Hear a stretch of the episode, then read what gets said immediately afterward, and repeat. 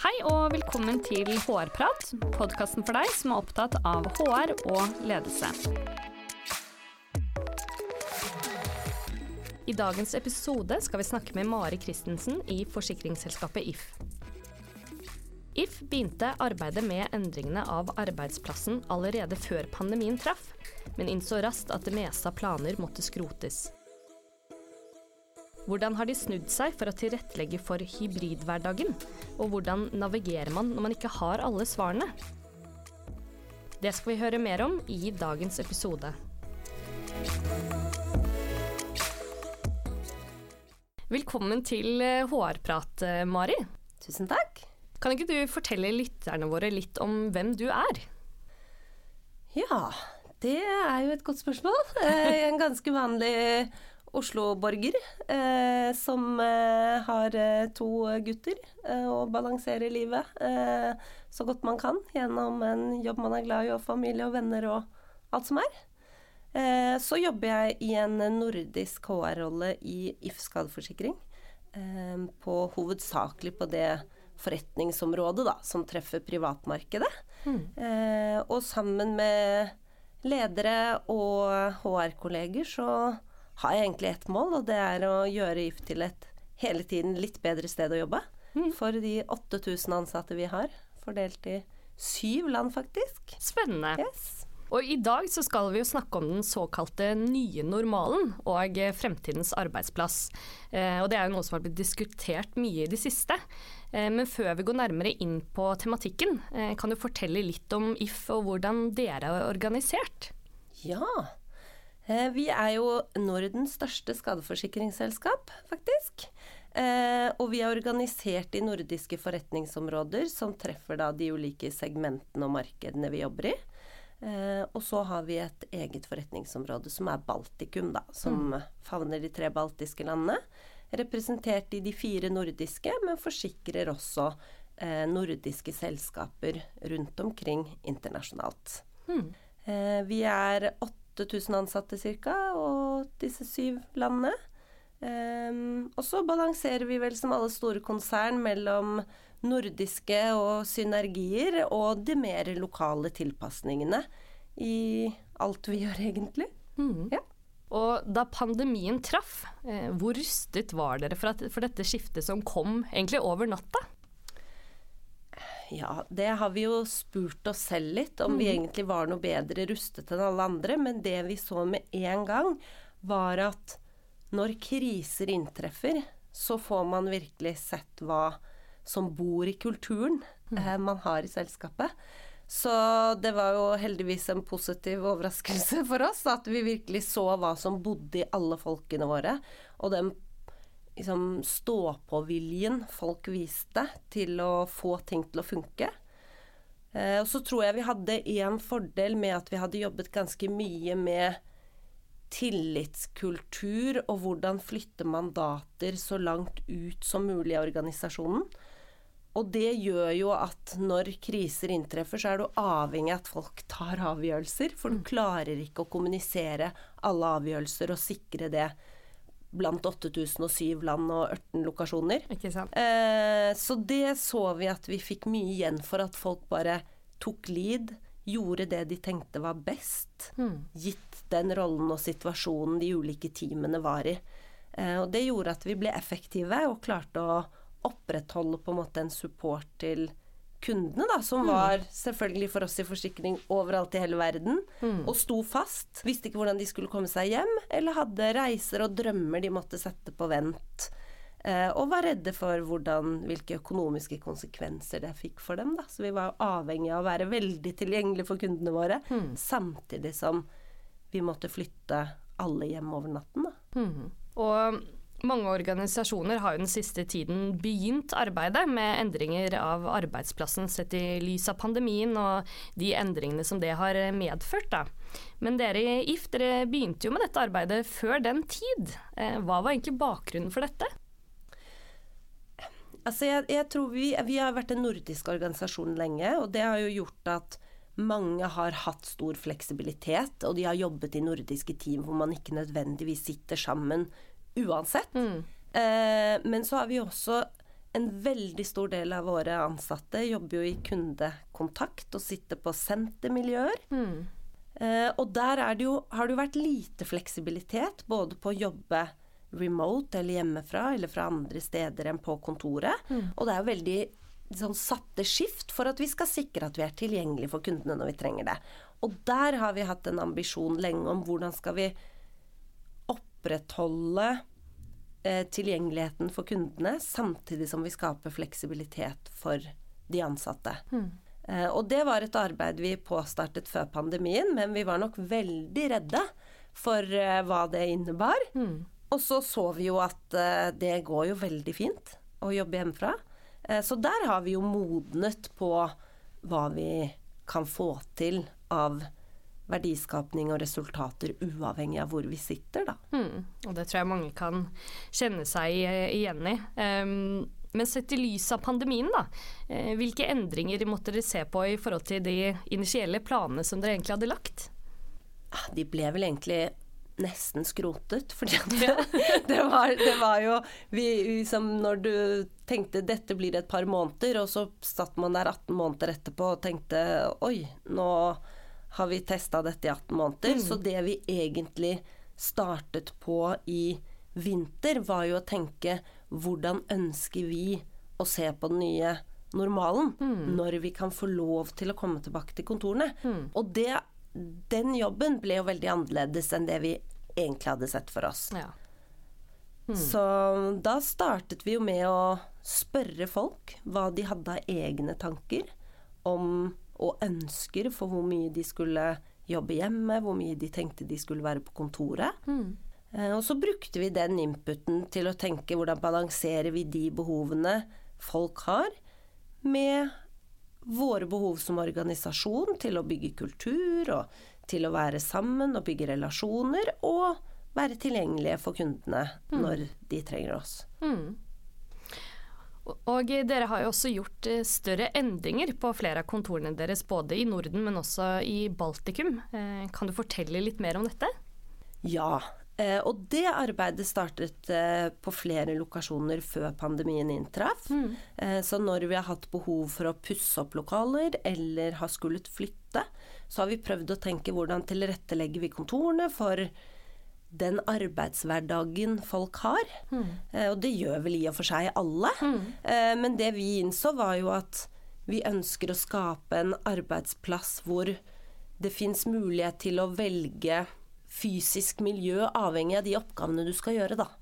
Eh, og for veldig mange opplever jo at det å være på kontoret er innebærer mange forstyrrelser og mye lyd eh, og in, liksom mye stimuli mm. som gjør at det er vanskelig å holde fokus.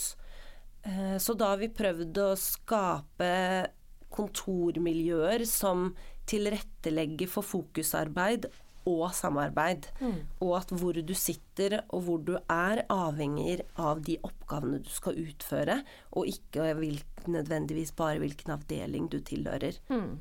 Og så har vi jo veldig mange team nå som er på tvers av linjeorganisasjon. Så det at de som faktisk utfører arbeid sammen, har behov for å også sitte sammen når de befinner seg på samme lokasjon, og tilrettelegge for det. Mm. Så det har jo hjulpet oss litt nå, da, fordi at uh, feedbacken vi har fått fra våre folk, er jo at de opplever det lettere å fokusere hjemme, at det er mindre avbrytelser. Mm. Og da er det jo viktig for oss å kunne si at nå når vi ønsker at folk delvis kommer tilbake og møtes på kontoret òg, at vi har eh, fysiske miljøer som gjør at de kan få det også på jobben, da. Mm. Og dere er jo vant til å samhandle på tvers av landegrenser ettersom kollegaene deres sitter spredt, men har dere sett noen endringer likevel? Ja, det, det, tror jeg vi har. Eller det har vi fordi at alle blir likestilte i dette mm. ett og et halvt året hvor man har sittet hjemme. Så der hvor man kanskje har følt at man er nærmere og har bedre relasjon til de som har vært på samme sted som deg, i et nordisk team som jeg sitter f.eks., mm. så opplever jeg at det er større, bedre relasjon til alle i ledergruppen nå. Mens før hadde jeg kanskje bedre relasjon med de jeg så på kontoret ofte.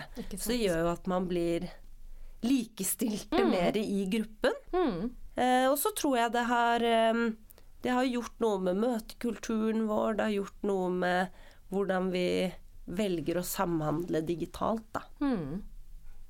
Um, og hvordan er det dere har involvert de ansatte i dette arbeidet? Og hva har på en måte tilbakemeldingene vært? da?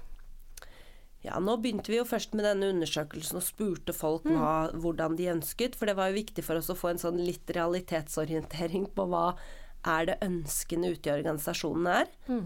Eh, og så brukte vi det til å eh, lage litt ulike scenarioer vi kunne velge. Mm. Og når vi hadde gjort det, så ble vi på en måte modnet vi underveis som egentlig ledelse på hvordan vi ønsket og hvor fleksible vi ønsket å være. Mm. For i, i, starten må jeg si at vi kanskje var mer på å gjøre noe som var enkelt å formidle, og enkelt for folk å forstå. En sånn hybrid to dager, tre dager i uken. Mm. Men så ble vi mer og mer um, oppmerksomme på at det er jo lett for oss. Mm. Eh, men det skaper jo ikke nødvendigvis den fleksibiliteten for individene Mm. som faktisk er formålet med hele arbeidet. Så der valgte vi en litt vanskeligere modell, som jeg har vært krevende å implementere. Men eh, som jeg samtidig håper at eh, flere opplever som fleksibel, da. Mm. Avhengig av eh, hvem du er, og hvor du bor, og hvilke liksom, personlige preferanser du har. Mm. Um, og da har vi brukt ganske mye tid på å skape forståelse for hvor ulike behov vi har. Det er klart at Noen bor i store hus med veldig gode fasiliteter for hjemmekontor, og noen har ikke det. Mm. Eh, noen har barna annenhver uke, som gjør at du er veldig fleksibel en uke, men kanskje veldig lite fleksibel en annen uke. Mm. Noen har en partner som jobber skift. Mm. Eh, og alle disse tingene er liksom Ja, det er lett for oss å kommunisere to og tre dager, men det kan være veldig vanskelig for folk å leve opp til det, da, Mm. på en god måte. Og hvordan har dere innhentet tilbakemelding underveis fra de ansatte, da? Ja, vi har nå, etter at eh, kontorene begynte å åpne opp, så har vi hatt en sånn pulsundersøkelse med Mm. fire enkle spørsmål. Jobber du mest hjemme eller mest på kontoret? Er du fornøyd med å Er du liksom glad for å kunne være på kontoret, eller kjenner du at det ikke er bra? Um, hvor er du fornøyd på jobben? Og er du fornøyd med den fleksibiliteten uh, du har på jobb? Mm. Og da kan vi jo følge hvordan de som sitter mest hjemme versus mest på kontoret, opplever fleksibiliteten, og hvor komfortable de er med å komme tilbake til jobb delvis, da. Mm. Ikke sant. Mm. Og du sier at eh, sånn sett har dere gjort det litt vanskeligere for dere, da. Men eh, ja, hva med lederne deres, og hvordan har dere da i HR støttet alle lederne da, som har stått litt i sånn ukjent farvann? Jeg tror for det første så har vi alle stått i ukjent farvann. Mm. Så vi har faktisk vært veldig transparente på at nå gjør vi én måte. Vi, vi, vi har noen tanker om hva vi ønsker å oppnå, så vi har vært tydelige på liksom formålet og intensjonen vår med den modellen vi har valgt. Sånn at folk skal forstå hvorfor vi valgte det. Um, og vært veldig transparente på at vi er på en reise, vi har ikke alle svarene. Vi må finne ut dette sammen. Kan godt hende vi må justere underveis. Så det tror jeg også er viktig at ikke man opplever At det ikke oppleves at ledelsen sitter på svarene på disse tingene. Fordi at det, det er noe vi må ha eierskap til sammen som organisasjon. Eh, og så har vi vært helt avhengig av at eh, de an, altså alle medarbeidere har tatt ansvar for at jeg har mine preferanser, men jeg må også vite hva mine kollegers preferanser er, og hvilke behov de har. Og vi må sammen diskutere hvordan balanserer vi våre egne behov med kundenes behov. Mm. Eh, og hvis Når vi klarer å skape den, det felles eierskapet og ansvarsfølelsen rundt det, så får vi jo til gode løsninger. Men det er jo ikke likt i alle team og i alle roller og i alle land og i alle enheter. Så det er der vi har gjort det litt tricky for oss selv. At vi har på en måte laget et rammeverk som vi opererer innenfor. Og sagt at her er på en måte rammene. for hva vi tenker om flexibility at if. Mm. Og så fins det ganske stort handlingsrom innenfor det, som team og enheter selv må finne ut hvordan de ønsker å jobbe. Mm. Og du nevner jo det med at det skal være en eh, verdi da, i det å komme på kontoret. Eh, hvordan skal du jobbe med dette i tiden fremover, da? Ja, det er jo noe vi har eh, tenkt mye på. Ja. Fordi at eh, har man lang reisevei, har man forpliktelser hjemme, så er det klart at man er mer effektiv eh, hvis man slipper å bruke tid på å reise til og fra jobb, og at det er positivt for det, den enkelte individet. Um, og det å be folk om å sitte lang tid på kollektivtransport for å komme til jobb, for så å sitte kanskje i Teams-møter nordisk hele dagen. Det er jo liksom krevende kommunikativt Mm. å overbevise folk om at det er verdt det. Mm. Så da har vi tenkt at det må være verdifullt for folk å komme inn på kontoret. Og det har vi jo alle et ansvar for, så det er jo også diskusjoner vi har åpnet opp i team. At hvordan gjør vi det verdifullt å komme på jobb? Hvordan har vi en kalender som gjør at når jeg er på kontoret, så fins det rom for de interaksjonene som vi tror er viktig for kulturbyggingen og for relasjonsbyggingen mellom folk. Mm. Sånn at du får lov til å takke nei til noen møter. Fordi at når du først er på kontoret, spesielt som leder, så har du et ansvar for å være tilgjengelig eh, for folk eh, rundt deg. Mm. Hva med de som ikke ønsker å komme tilbake til kontoret, som kanskje ikke opplever at denne hybridmodellen passer? Ja, det er jo et spørsmål som vi i hvert fall vi i HR får fra mange ledere. Eh, og vårt fokus nå har egentlig vært å ikke bruke så mye energi på det. Vi er, har ulike grad av eh, På en måte hvor, hvor eh, engstelige vi er for både smitte, mm. og det har på en måte vanskelig å skille mellom hva er det som går på den redselen hos de som ikke vil tilbake, og hva er det som går på at man faktisk trives best med å jobbe hjemmefra. Det kan være ulike anledninger til det. Så nå har vi prøvd å fokusere på den majoriteten som ønsker en hybridmodell, ser at det er verdifullt, og så har vi tenkt at det får vi se litt lenger ned i veien, hvordan vi håndterer det eventuelt. Det kan være vi tenker litt annerledes rundt at alle må være tilbake.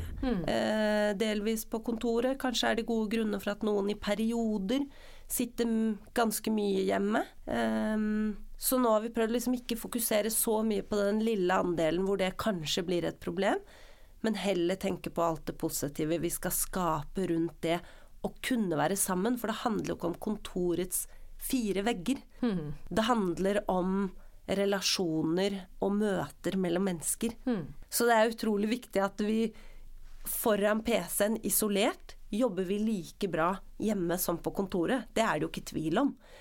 Men det er bare relasjonsbyggingen og møtene mellom mennesker man ikke får i samme utstrekning på hjemmekontor. Og det er jo derfor vi vil at folk skal komme innenfor kontorets fire vegger nå, da. Ikke sant. Hvilke utfordringer, eller kanskje heller muligheter, da, eh, er det du ser frem i tid?